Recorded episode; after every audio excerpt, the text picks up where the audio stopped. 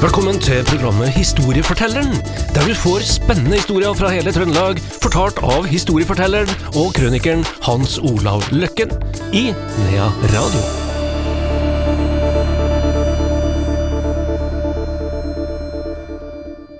Historiefortelleren er tilbake igjen her i Nea Radio. Velkommen, eh, Hans Olav Løkken. Takk, takk. Vi skal, ja, vi skal tilbake til krigen, og vi skal nå innom Hummelvika, og vi må vel eh, si at det skal handle om eh, Nygårdsvold. Det skal handle litt om Nygårdsvold, eller det som er mer kjent som Lex Nygårdsvold. da. Her. Et sånn populistisk uttrykk da over en sånn forordning som da regjeringen Nygårdsvold ga klarsignal til i 42 da, i, i London. Før vi kommer så langt, da, så eh, skal vi inn i vårt eget nærmiljø. Det er altså en kvinnemenneske som er en liten unge, som eh, fra 8. mai i 45 går nedover på jernbanestasjonen til hvert eneste tog som kom fra Trondheim. Hun eh, forventa å møte sin mann, far og barnet selvfølgelig, og de gleda seg veldig til at en pappa skulle komme hjem. Men eh, hvert tog og hver dag så gikk hun like skuffa tilbake. Sånn gikk dagene. En annen plass er det en annen kvinnemenneske som går rundt i leiligheta si og tenker over at ja, nå kommer han Knut, mannen min, hjem. Og hun tenkte vel at de har vært ganske så privilegert, for eh, de bodde litt skjerma og merka ikke så mye til krigen, og de hadde det bra, og skolen gikk, og mat hadde de, og, og alt sånt, og, men likevel, det var jo en glede å kunne få hjem igjen mannen, da, han Knut. Og han Knut, han kom hjem, han. Noen uker etterpå, han, etter at en Knut kom hjem, så kom det ei engelsk ung dame også til plassen. Hun hadde kommet til Norge med adresse. Hun hadde tatt en drosje til den adressen, som da ikke eksisterte.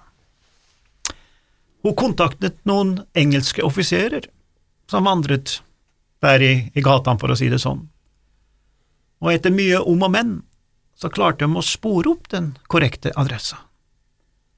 Så hun drar dit og banker på døra. Det var vel ikke noen ringeklokker så mye den gangen, så hun banker på døra. Hun skulle ha tak i sin mann Knut.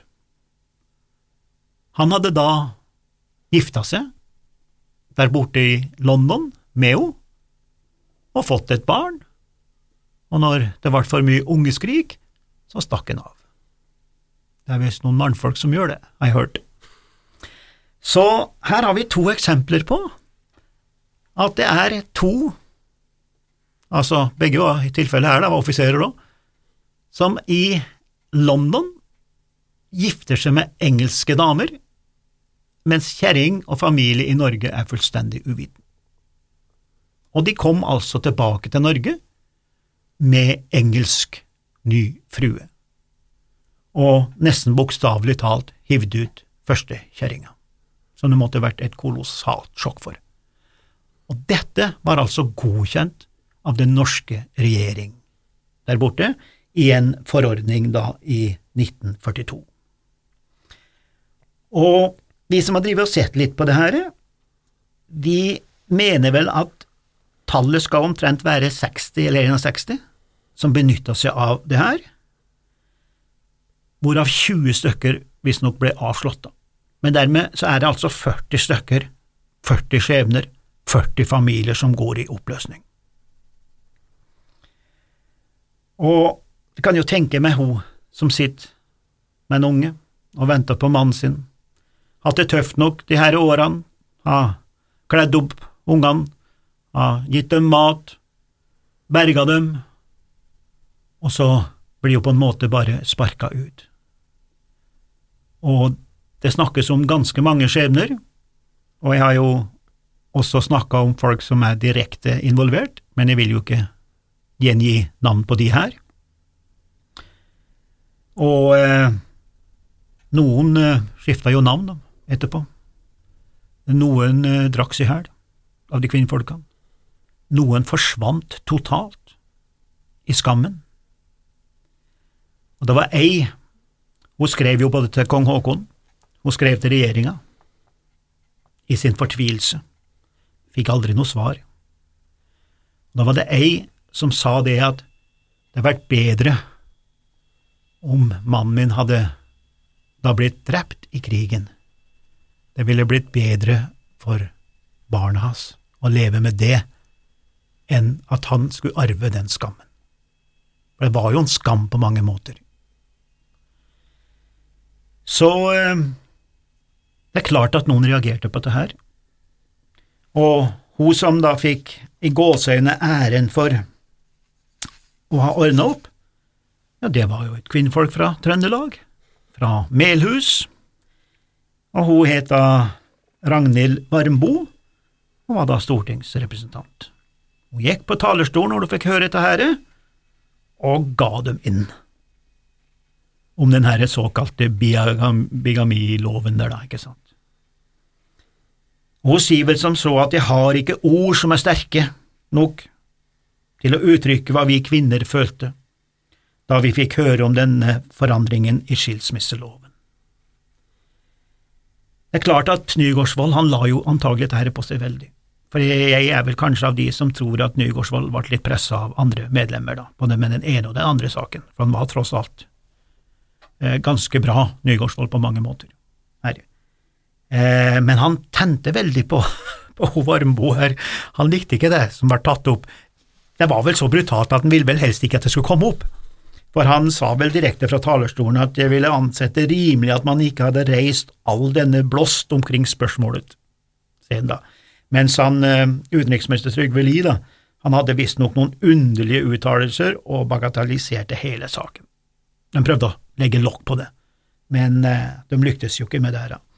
En av de som fordømte dette mest, det var jo biskop Berggrav. Disse biskopene de har en tendens til å, til å uttale seg om alt her i livet, mm. og det er vel i og for seg greit, de må jo få lov til det, men eh, han var ganske grov, altså. Han var utrolig ute eh, da med, med, med, kritikk, da, eh, men jeg har jo tross alt holdt på med, med tyskertøs og tyskerunger nå et et års tid, som jeg har skrevet ganske mye om, og den samme biskopen, han eh, fordømte jo eh, også de her eh, tyskertøsene, ikke sant, og da mente han at da skulle de skilles til tvert, mm. ikke sant?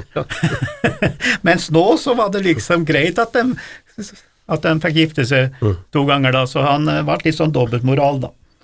Men de fikk jo også stanset dette ganske så fort. For en gangs skyld så gikk det veldig fort. Det var snakk om bare noen få eh, måneder, så var den eh, forordningen, som da på en måte var lov med tilbakevirkende kraft, den ble da eh, eh fjerna. Og eh, bra er jo kanskje det på mange måter, men hvorfor ble det en slik sak? Det er jo det som er interessant. Hvordan kan altså voksne mannfolk sitte der borte og vedta noe sånt? Og da het det seg visstnok at det var en i diplomatiet som hadde blitt forrådt av sin kjerring, på en måte, som var utro, med noen fra NS, og han ønska skilsmisse, med basis i ryktet. Han var altså diplomat i England eller en plass, ikke sant, og så ville han at nå må skille seg fra kjerringa si, som visstnok holdt på med en NS-folk i Norge og dermed så balla dette på seg, slik at de fikk en slags lovsform, og så ble den brukt av andre. da. Men jeg tror kanskje Nygaards la det litt innpå seg, for eh, kan si mye rart om Nygaardsvold og at han stakk av og alt det der, men han gjorde en del bra òg. Og eh, en eh, kompis som jeg jobber litt i lag med, da, og som er en stor forfatter i Norge, Åge Sivertsen, som har skrevet veldig mye negativt om Nygaardsvold og alt mulig sånn, i og for seg, da, men han skriver veldig mye positivt om det nå, og han sier det at når han tar Nygaardsvold litt i forsvar, så sier han han var tross alt et lite stykke Norge. Og det var historia vår i dag, fortalt av vår historieforteller Hans Olav Løkken.